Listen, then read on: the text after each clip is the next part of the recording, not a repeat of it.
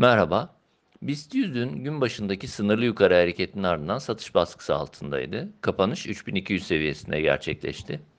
Endekste üzerini iyimserlik bölgesi olarak değerlendirebileceğimiz 3450-3400 bandı altındaki harekete bağlı olarak satış baskısı devam ediyor. 21 günlük ortalama bölgesi altındaki kapanış sonrası ilk aşama destek bölgesi 3180-3120 bandının gündemde olduğunu belirtebiliriz. Endekste 3050-3000 bandı ise 50 günlük ortalamanın da bulunduğu nispeten güçlü olduğunu düşündüğümüz destek bölgesi. Belirttiğimiz gibi BIST'te yukarı hareketin yeniden güç kazanabilmesi için ise 3400-3450 bandı üzerine geri dönüşü gerekli görüyoruz. Öncesinde zayıf teknik görünüm geçerli durumda olacaktır.